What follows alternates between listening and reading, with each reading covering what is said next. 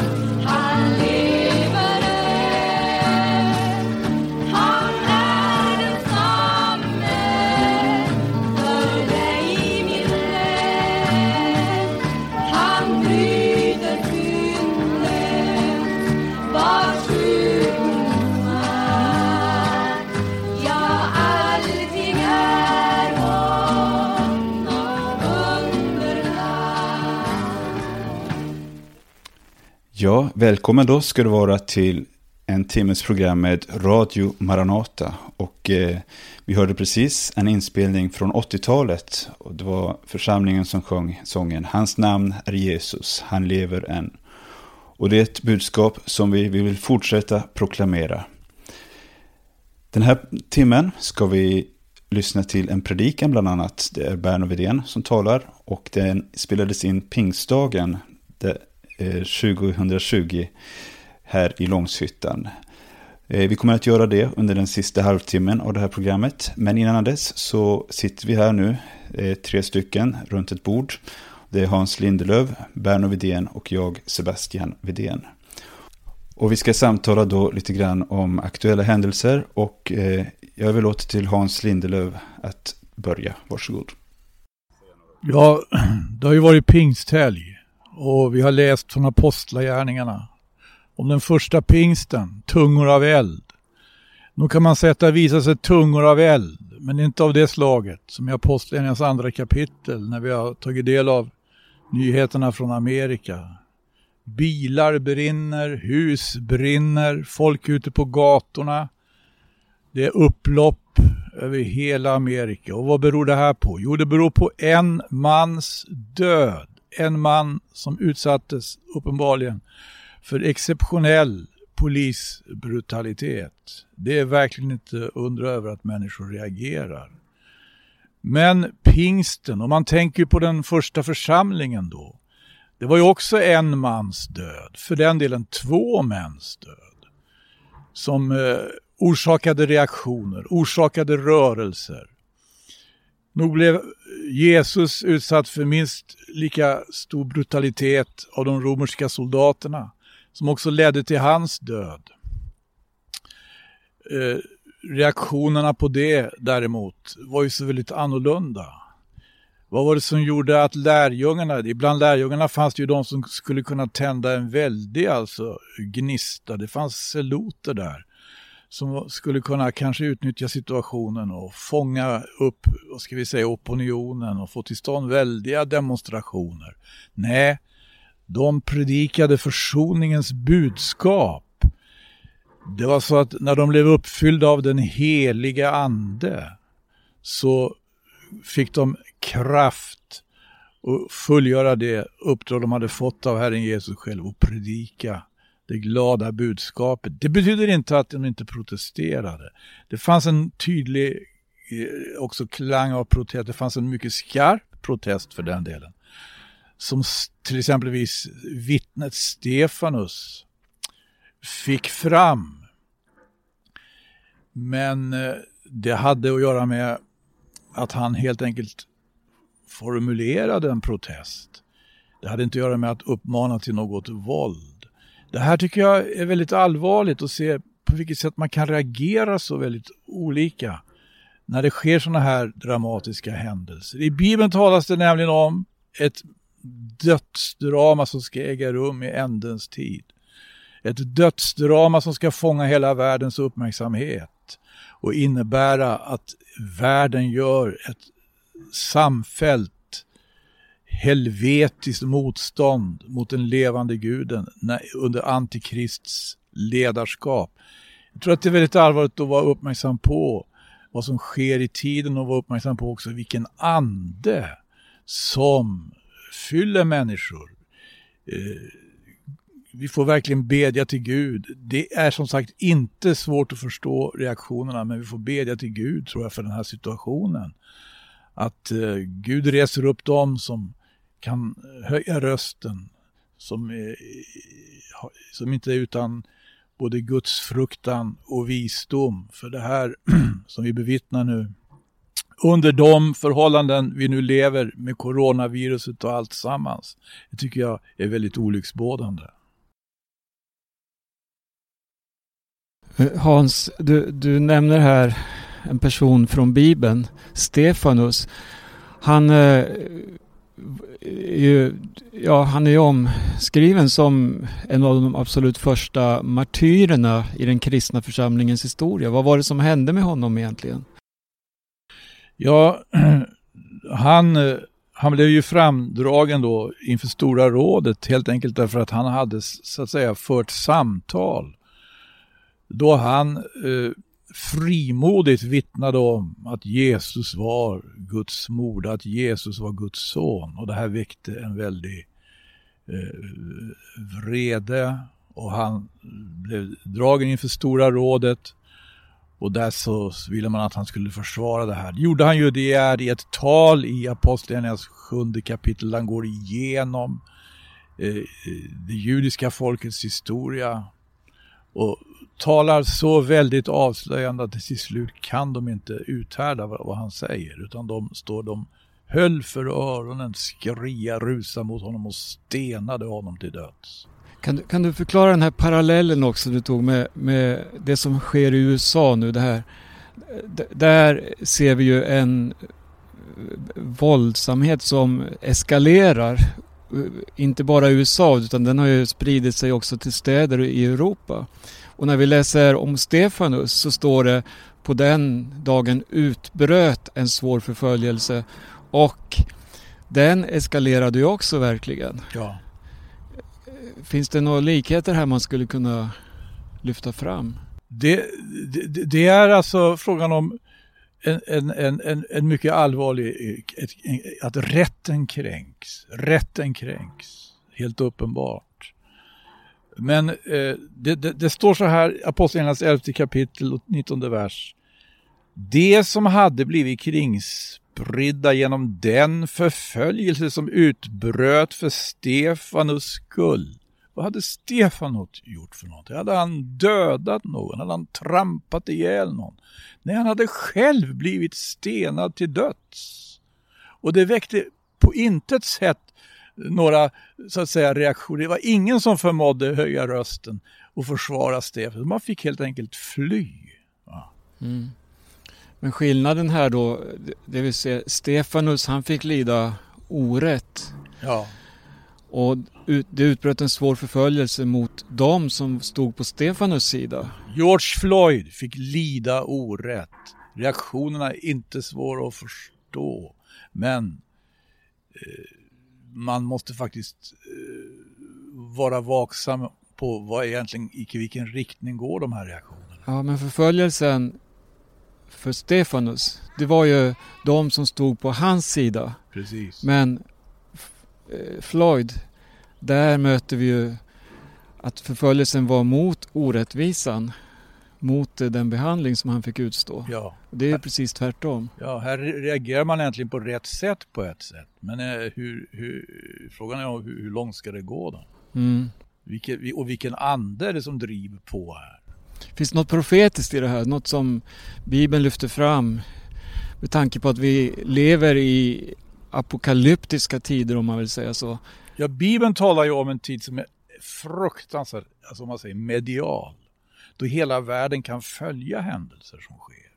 Hela världen ska kunna följa, står det i Uppenbarelsebokens elfte kapitel. Jordens inbyggare ska kunna följa eh, vad som sker i, Jerusalem där de, när de två vittnena träder fram. De kommer, att bli, de kommer att bli dödade. Och det kommer man att uppfatta som en befrielse. Det är också väldigt märkligt hur man kan uppfatta saker och ting på så olika sätt. Hela världen kommer att kunna följa. Det blir väldigt medialt. Vi lever i en tid då hela världen kan följa. Jag kan följa härifrån Sverige och man måste vara försiktig. Eh, naturligtvis när man inte är på platsen. Men det, det här är, tycker jag, det jag ska säga, apokalyptiska draget här som mm. finns. Men, men vi är ju kristna framför allt. Vi har ett huvuduppdrag här i tiden. Det är att presentera Jesus för människor. Och någonting som vi möter i våra dagar. Det kan finnas många olika inriktningar. Det kan finnas en väldigt stor acceptans inom olika ideologier, filosofier och så vidare. Men så fort det lyfter fram ett namn som, är, som vi menar står över alla namn och att det inte finns något annat namn genom vilket vi kan bli räddade. Alltså när vi lyfter fram namnet Jesus, då är det som att man trycker på en krutdurk. Det kan inte accepteras här i tiden att framhäva namnet Jesus som det enda namnet, den enda vägen genom vilket vi kan bli frälsta bli räddade. Mm. Jag tänker också på det här, äh, det är väldigt lätt äh, och det, det förstår jag, alltså, äh, rent känslomässigt så det är väldigt lätt för även kristna, för församlingen, på olika lokala församlingar att på något sätt ryckas med i den här rörelsen. Som till exempel nu, den här proteströrelsen. Det finns andra exempel i historien hur eh, rörelser har gått över jorden som man, det, det finns väldigt goda avsikter och det är väldigt lätt för en kristen då att tycka att det här kan jag ställa mig bakom, det här, det här är någonting som jag kan stå för. Så, så går man med och ställer sig i samma led. Eh, men eh, jag kommer att tänka på en predikan jag hörde för, det är säkert 20 år sedan nu. Och det var, det handlar om att djävulen, han vill ha ordning. Han vill ha, alltså han, han vill ju, han, han är uppror mot Gud. Men han vill ha ett ordningsamt rike, om du förstår hur jag menar. Eh, så, så, så, bara för att någonting här i tiden ser ut att vara gott. Så utan Gud så spelar inte det någon roll. Utan Gud, utan Jesus så, så är det ändå bara ett byggande av det här eh, antikristliga riket som vi ser på olika sätt växa fram. Det som handlar om ett uppror emot Gud. Så, så vad jag menar är att eh, det, det, det, är hemska saker som händer och det, det, människor blir dödade på det här viset. Det, det, det är absolut det, det är hemskt. Men som kristen församling, som kristen, alltså då mitt i allt detta så är det viktigt att vi måste se det riket vi representerar. Vi, rep vi representerar inte ett, den här världens vare sig goda eller onda intentioner, för att förstå mig rätt. Mm. Utan vi representerar ett helt annat rike som handlar om att människor måste lära känna Gud. Och det genom Jesus Kristus. Det var det Jesus sa. Vore mitt rike av denna världen, då skulle väl mina tjänare kämpa för att jag inte hade blivit utlämnad, överlämnad åt judarna. Men nu är mitt rike icke av denna värld. Jesus var ju väldigt tydlig där. Han, han, och där, där, där talar han inte om allt ont som skedde, allt gott som skedde. Utan det handlar om riket som sådant. Jag måste lyfta fram ytterligare, jag bevittnade det var en, en kvinna i Kentucky som trädde fram då. Jag tror hon hade, eh, det var en myndighetsperson som, eh, som tydligt och klart efterlyste liksom eh, frågan om vilken ande det var. Ställde, ifrågasatte den ande som tog sig uttryck i de här våldsamma protesterna. Det här, sa hon, det här är inte Atlanta, det var Atlanta. Det jag bevittnar är inte Atlanta. Det är inte Martin Luther King Juniors ande. Och han var ju baptist. Och det här är ju en djup konflikt, eh, det vet vi i det amerikanska samhället hur, hur så att säga eh, kampen mot segregation ska egentligen föras. Där så, eh, så var det ju faktiskt så att det fanns kristna personer, personligheter som, vi, som ville på ett fridsamt sätt föra kampen. trädde fram andra personligheter som föreslog en mer våldsam kamp. Det här var ju redan på 60-talet. Mm. Ja, Eh, vi ska som sagt även få höra en inspelad predikan här från pingsthelgen som ligger bakom. Och det är du Berno som talar på pingstdagen. Ja, det stämmer. Eh, vi ska lyssna till den, eh, men vi ska först höra en sång här från samma möte. Det är Stig-Erik Westman som sjunger. Men innan vi gör det så vi har ett budskap som församling, som, som Kristi församling. Och det handlar om att Jesus, det är Jesus som är lösningen. Det, finns inga politiska lösningar i det, i, långa, i det långa loppet. Som, alltså, det finns ingen politik som kan lösa människans djupaste problem. Det finns inga mänskliga rörelser på det sättet som på olika inomvärldsliga Mm, oavsett vilka resurser man har, så det, det, finns ingen lösning i världen för världens problem, utan det är endast Jesus som kan. För det handlar om att en ny skapelse i Jesus. Men innan vi lyssnar till en sång, är det någon som vill tillägga något? Innan vi... Jag vill bara understryka det du säger här. Att jag har precis läst en bok om planeten, om skapelsen, om eh, tillståndet i världen och hur författaren tydligt överbevisar på punkt efter punkt att det finns ingen lösning. Och, men författaren har inte heller något annat perspektiv än det rent mänskliga. Och, och det, det, det, det, är så situationen ser ut och det är verkligen angeläget att vi får lyfta fram det hoppets budskap som finns För det finns en framtid, det finns ett hopp hos Jesus. Amen. Amen. Vi lyssnar till en sång. O store Gud, när jag den värld beskådar som du har skapat med ditt allmaktsord. Hur här din visdom leder livets trådar och alla väsen mättas vid ditt bord. Då brister själen ut i lovsångsljud.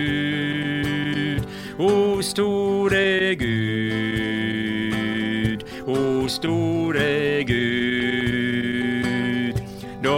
brister själen ut i lovsångsljud. O store Gud, o store Gud. När sommarvinden susar över fälten när blommor hitta in vid källans rand när trastar drilla i de gröna tälten vid furuskogens tysta dunkla rand. Då brister själen ut i lovsångsljud.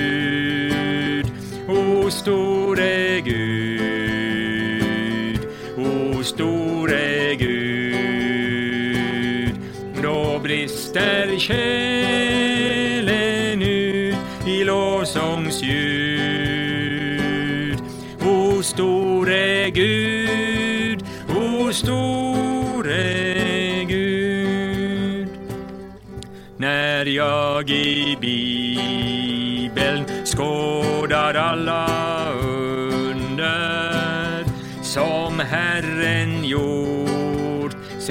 förste Adams tid. Hur nådefull han varit alla stunder och hjälpt sitt folk ur livets synd och strid. Då brister själen ut i lovsångsljud.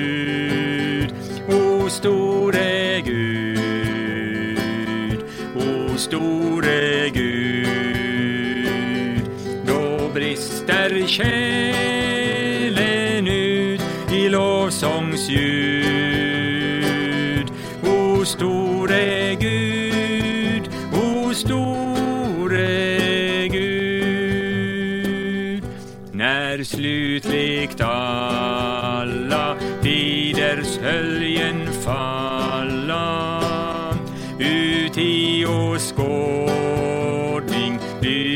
byter sig min tro och evigheters klara klockor kalla min frälsta ande till dess sabbatsro. Ja, då brister själen ut i lovsång Tack gode Gud, tack gode Gud. Då brister själen ut i lovsångsljud. Tack gode Gud, tack gode Gud. Det var Stig-Erik Westman som sjöng under eh, pingstafton sången O store Gud. Det var när vi var samlade utomhus här i Långshyttan. Nu ska vi höra Berno Widén i en predikan från pingstdagen klockan 15. Guds frid allesammans. Det är ju pingst idag, pingstdagen faktiskt. Och jag eh, blir påmind om eh, den helige Ande. Hur står det i Bibeln när pingstdagen var inne? Ja, då öppnades himmelen. Då föll den helige Ande över den skara som var samlad i Jerusalem. Och Det var en oerhörd upplevelse. De blev alla uppfyllda av helig ande, står det. De började tala i tungor, de började profetera och förkunna evangelium. Målet var ju inte att eh, bli fylld av helig ande för sakens skull eller för upplevelsens skull, utan det fanns ju ett syfte. Ett oerhört syfte. Och det, det, det är just det här som Bibeln ständigt kommer tillbaka till. Och Det går att uttrycka med ett ord. Det handlar om Jesus. Det handlar om Jesus. Vad Jesus kan, vad Jesus förmår att göra, vad hans vilja är. Och han vill att alla människor ska komma till kunskap om sanningen, komma till älskning, få lära känna honom. Och Bibeln har eh, oerhört många budskap som talar om det här och jag ska eh, den här stunden läsa några skriftställen ur Johannes evangelium.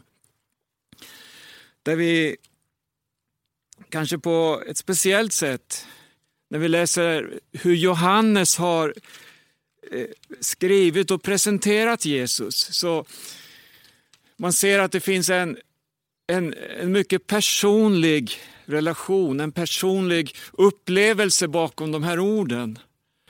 Samtidigt som de är så grundade i, i Guds ord. Det finns eh, en bas i det hela som, som gör att man kan gå till gamla testamentet och se och hur, hur Jesus här, som han presenteras i Johannes, det, det blir en Guds uppfyllelse. Halleluja. Och när vi, när vi läser skapelseberättelsen så står det om eh, hur Gud skapade himmel och jord. I begynnelsen skapade Gud himmel och jord. Och här i Johannes evangelium så har vi något liknande. Det står I begynnelsen var ordet, så inleds det här evangeliet. Och ordet var hos Gud och ordet var Gud. Han var i begynnelsen hos Gud. Allt blev till genom honom och utan honom blev ingenting till av det som är till. Allt har alltså sitt ursprung hos Gud. Vi tror på det. Vi tror på en Gud som har skapat himmel och jord. En Gud som har gjort allt det sköna vi ser runt omkring. En Gud som sa efter skapelsen, efter varje dag, så upprepas de här orden. Gud såg att det var gott, det han gjorde. Halleluja.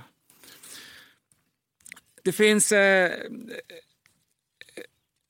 i Kolosserbrevet en eh, beskrivning av det här. Där Paulus på ett tydligt sätt visar på hur Jesus var med från begynnelsen. Halleluja. Före världen var skapad. Och Jag vill lyfta fram det här för, för, att, för att visa dig vilken stor frälsare vi har. Han är Guds evige son. Halleluja. I Kolosserbrevet 1, vi kan läsa från trettonde versen, så står det så här att han, alltså sonen, har frälst oss från mörkrets välde och fört oss in i sin älskade Sons rike. I honom är vi friköpta och har förlåtelse för våra synder. Här står det om Jesus. Vad vi har i honom, hur vi har blivit nya människor genom det Jesus har gjort för oss. Och så fortsätter Paulus så här och beskriver Jesus. Han är den osynlige Gudens avbild. Förstfödd före allt skapat. För i honom skapades allt i himlen och på jorden. Synligt och osynligt, tronfurstar och herradömen, härskare och makter. Allt är skapat genom honom och till honom. Han är till före allt och allt hålls samman genom honom. Tack Jesus. Det här budskapet skulle hela världen behöva höra. Vi lever i en, eh, ja, för att använda ett väldigt eh, populärt uttryck, om man kan säga så, det är det här coronatider. Vi lever i en tid av oro, en tid där människor ängslas så oerhört inför allt som händer, inför allt som sker på vår jord. Man går omkring och är rädd. Ska jag smittas? Ska jag drabbas? Man ser sin omgivning. Man kanske har anhöriga som på olika sätt har drabbats. Inte bara på ett sätt genom den här eh, smittan då som sprids. Men eh, om man tänker alla, alla konsekvenser som det här har fört med sig. Social ohälsa, ensamhet och så vidare. Det, det, här, det, det här är så... Det, det vittnar om en värld som är ur balans.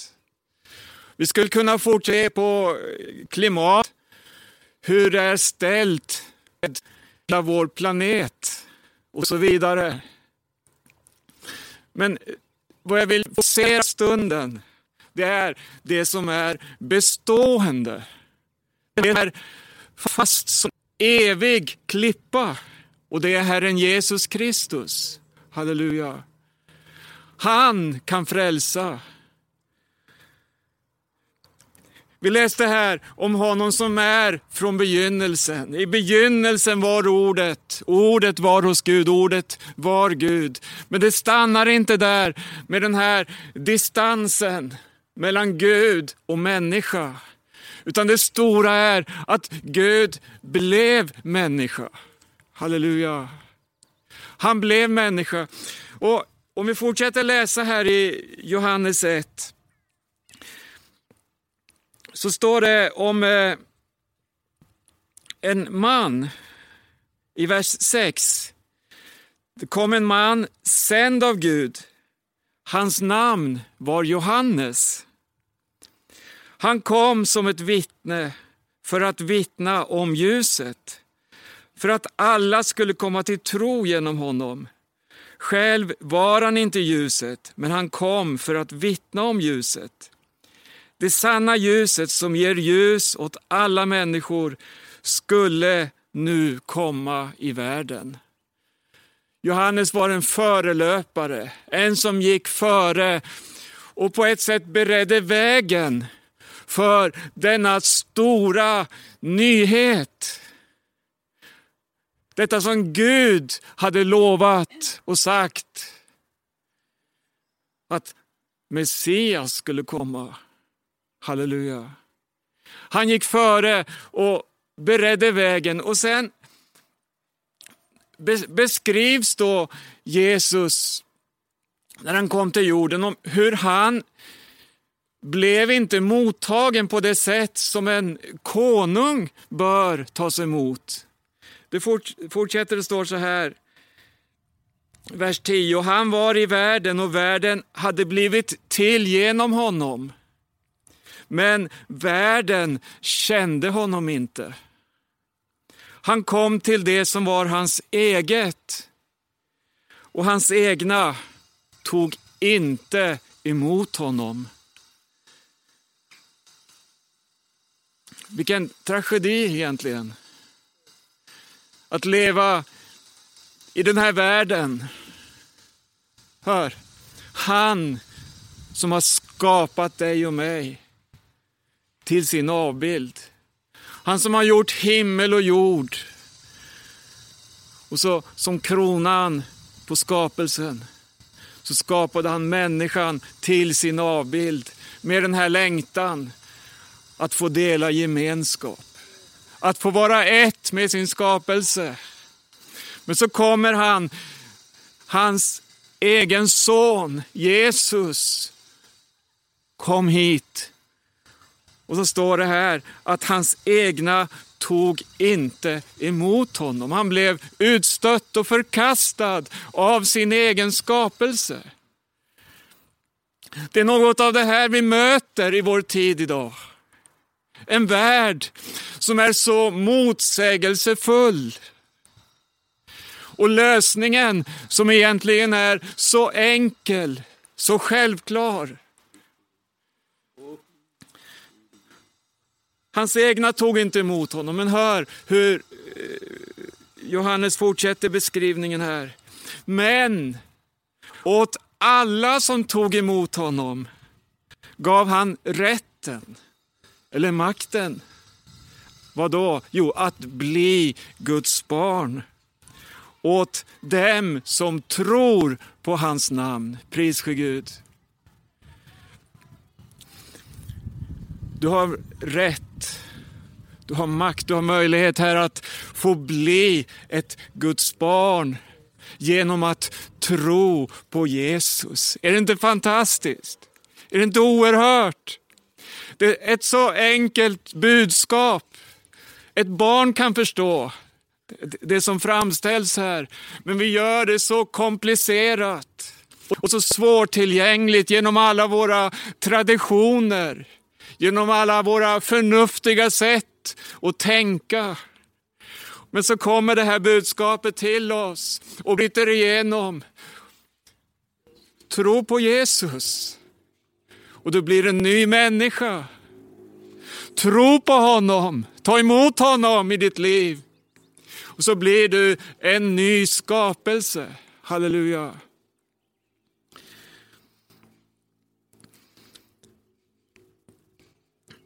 Det står så här.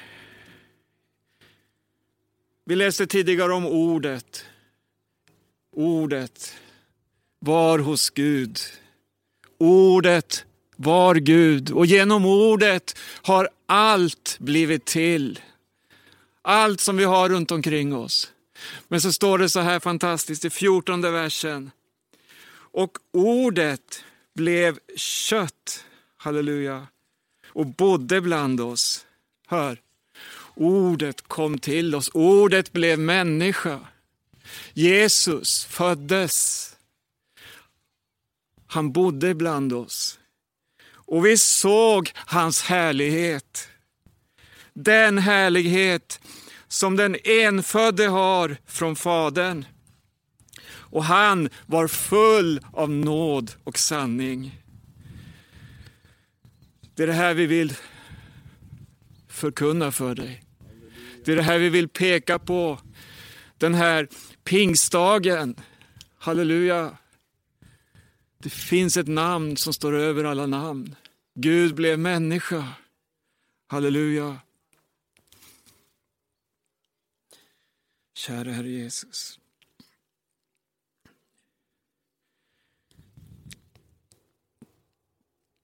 Det står i samma kapitel här.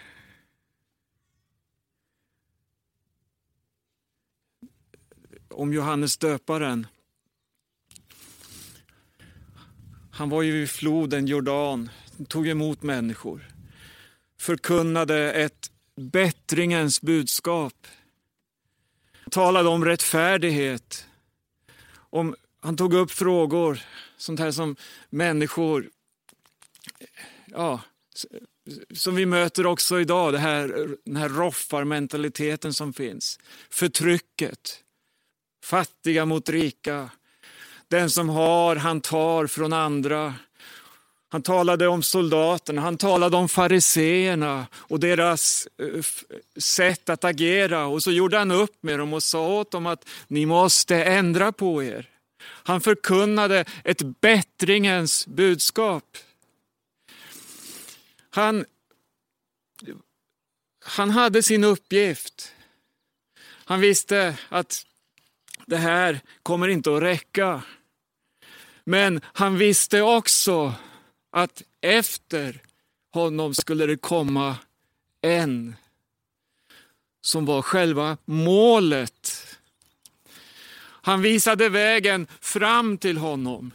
Sen kom den här dagen och då säger Johannes, och det finns nedtecknat här, bara i, i några fraser, en enda mening. I vers 29, det står nästa dag såg han Jesus komma. Alltså Johannes döparen såg Jesus komma. Då kan man säga, det är som att nu läggs allt till rätta. Nu så kommer det allt som vi behöver samla i en person. Amen. I Jesus. Nu handlar det så mycket om allt vad vi ska göra och inte göra, utan nu möter vi någon som tar itu med oss och som går in i våra liv, in i våra hjärtan och skapar ett nytt liv. För hör vad han säger. Och det här är så stort. Han såg Jesus komma och han sa, se Guds lamm som tar bort världens synd. Det här budskapet hade aldrig tidigare förkunnats. Men nu får Johannes utropa och så pekar han på Jesus och säger, se Guds lam. Här kommer han. Honom som ni har förkastat, honom som ni inte ville veta av, som vi läste tidigare. Men nu kommer han. Och vad gör han? Han tar bort världens synd. Vi läste åt alla dem som har tagit emot honom, åt alla dem som tror på hans namn, ger han makt att bli Guds barn. Halleluja. Vilken pingst! Tänk att få förkunna det här pingstdagen år 2020. Och säga att Jesus är densamme idag. Han kan ta bort din synd som plågar dig så. Han kan göra dig till en ny människa. Han kan förvandla dig. Tro på hans namn. Och, och det är det här vittnesbördet man kan fortsätta läsa om när man är i Johannes evangelium. Man kan se olika människor, olika situationer där människor får sina liv förvandlade. Vi, vi kan gå till det fjärde kapitlet. Och här möter vi hur Jesus kommer en utstött kvinna till undsättning. Berättelsen är känd som den samaritiska kvinnan. Och hon hade oerhört många plågor i sitt liv. Hon var fylld av skam över sitt liv, över sin otrohet. Hon, hon, hon hade svårt att umgås med andra människor. Hon gick ut till brunnen mitt på dagen när alla andra hade redan hämtat sitt vatten. Då smög hon dit med sin kruka för att fylla den. Mitt på dagen. Men den här dagen som, som Johannes skriver om här, så var det något mycket speciellt, för då var Jesus där. Lärjungarna hade han skickat in till stan för att de skulle hämta mat. Och så satt Jesus vid Sykars och börjar samtala med denna kvinna. Han bröt barriärer. Det var något nytt som hade kommit. Och han talar ord till henne. Uppenbarar för henne vad det är för längtan som hon bär på inom sig.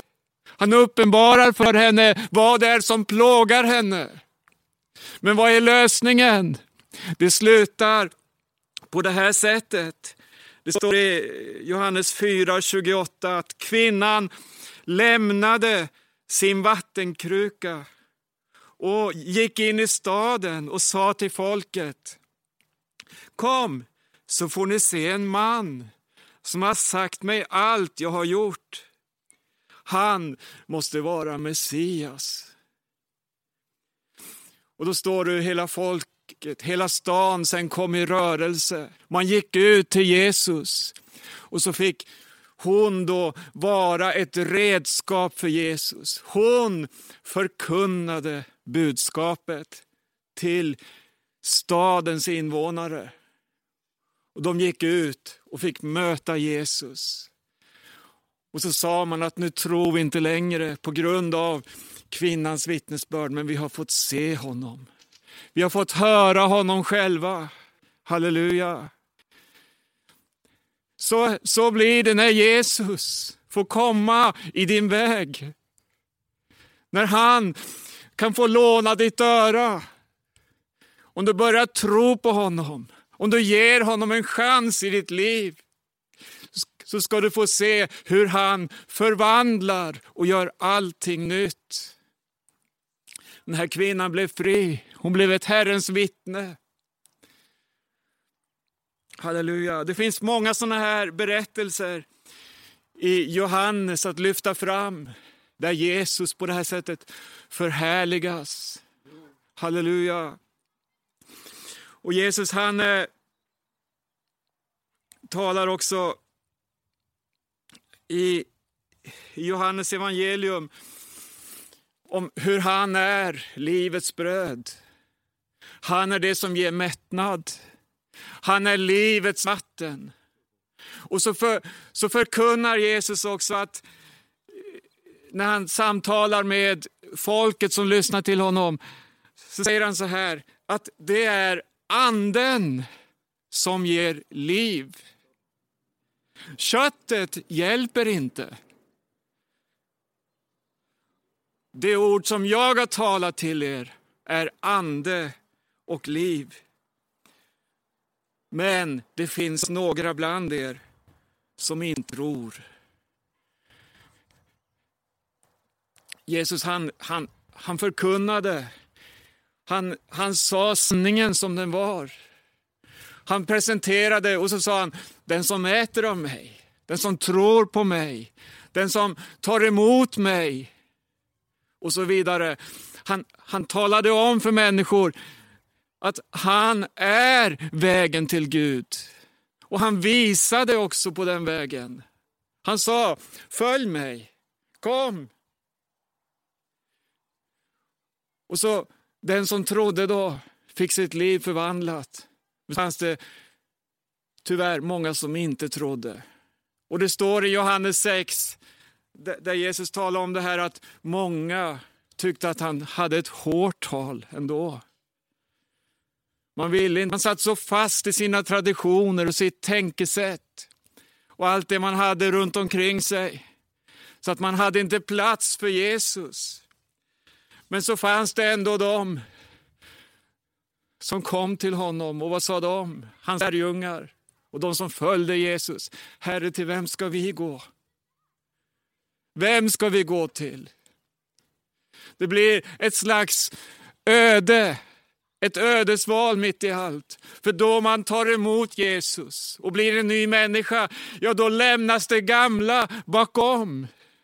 Och har man fått kärlek till Jesus, då vill man inte längre ha det gamla. Då vill man bara ha mer och mer av honom. Tack Jesus. Och det är det jag hoppas kunna förmedla den här stunden. Att du ska få uppleva honom. Att det får smitta av sig någonting av denna kärlek som han ger till dig. Hans armar som sträcks ut till dig. Halleluja. Det är ande och det är liv som han ger. Pris för Gud. I sjunde kapitlet har vi också en, en, en sån här händelse som visar på hur det är anden som ger liv och köttet kan inte hjälpa. Traditioner och allt det här materiella, vad det vara må, det kan aldrig fylla dina inre behov. Det kan aldrig ge mättnad. Men han kan. Tro på honom. För i, i det sjunde kapitlet så läser vi om hur Jesus han gick till en högtid som präglades av glädje. Det, den, den, var, det var en påminnelse om tider då det fanns vederkvickelse genom vatten och vattenkällor. Man bar upp vatten och öste ur. Men allt hade blivit en tradition. En ritual som han återupprepade och återupprepade. Samtidigt så gick människor trötta och tomma invärtes. Man gick omkring och törstade helt enkelt. Och det här såg ju Jesus. Han som ser varje människas innersta behov. Och vid det här tillfället var spänningen också väldigt hög. Jesus, han var eftersökt av prästerna och fariseerna. De hade till och med skickat ut sina tjänare att fängsla Jesus, att ta med honom. De ville förhöra honom. Han sågs som ett hot mot hela etablissemanget mot allt det här som man hade så inrutat och så, där man kände sig så trygga och säkra med. Traditionen, du vet. Men vad hände? När Jesus började tala, de som skulle fängsla honom, de stod där och så sa man sen, det finns ingen som har talat som honom. Det finns ingen. Man var helt intagen av hans ord, av hans närvaro. Men det, vi ska ta med det här. Avsluta med det. Det är pingstdagen. Andens utgjutelsedag som vi så väl behöver i våra liv. Hör vad Jesus sa till alla dessa trötta människor. Så här står det i Johannes 7, 37. På den sista dagen, den största i högtiden, stod Jesus och ropade. Om någon är törstig, kom till mig och drick. Den som tror på mig, som skriften säger, Ur hans inre ska strömmar av levande vatten flyta fram. Detta sade han om anden som det skulle få som trodde på honom. Anden hade nämligen inte kommit än eftersom Jesus ännu inte hade blivit förhärligad. Käre Jesus. Men anden blev utgjuten. Amen. När pingstdagen var inne öppnades himmelen och tungor som av eld satte sig på var och en av dem som var samlade. Pris för Gud. Så blev man uppfylld av anden för att bli Herrens vittne. För att förkunna evangelium, inte i egen styrka men i andens kraft. Pris för Gud. Ta emot Jesus i ditt liv. Få ditt liv förvandlat och drick av detta livets källa som är Jesus själv. Amen. Vi tackar dig, Herre Jesus. Vi prisar dig, Herre Jesus, för den väg som du har öppnat, Herre. Tack att du är livet, halleluja. Tack att du, Herre Jesus, kan ge mättnad, Herre Jesus. Du kan släcka törsten, Herre Jesus, som finns i vår själ, Herre Jesus. Halleluja, vi prisar dig. Tack, Herre Jesus Kristus, du vill frälsa också i denna stund, Herre Jesus. Vi lovar dig. I Jesu namn. Amen.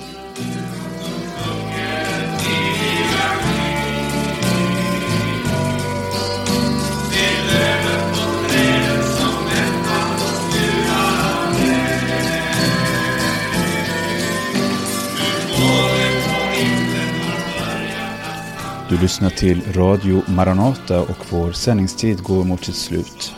Den här timmen har vi bland annat hört en predikan av Berno Widén som spelades in i Långshyttan pingstdagen 2020. Innan dess så satt vi i en grupp och samtalade. Det var Berno Widén, Hans Lindelöf och jag, Sebastian Widén. Just nu har vi församlingen som sjunger en inspelning från 80-talet, sången Jag hör bruset av regn. Vill du ha mer information så är du varmt välkommen att höra av dig till oss. Vi finns på telefonnummer 070-201 60 20. Du kan även mejla oss på info maranata.se. Vår hemsida är www.maranata.se. Där finns mer information. Där finns även vårt ljudarkiv där du kan lyssna till det här programmet igen. Radio Maranates ordinarie sändningstider över Stockholm och Örebro är varje dag klockan 8 samt måndag och onsdag kväll klockan 18. Över Göteborg sänder vi tisdag kväll klockan 21 med repris lördag klockan 15. Radio Maranata Stockholm sänder över 88 MHz, Örebro 95,3 MHz och Göteborg 94,9 MHz. Med de orden önskar jag dig Guds rike välsignelse och på återhörande i Radio Maranata snart igen.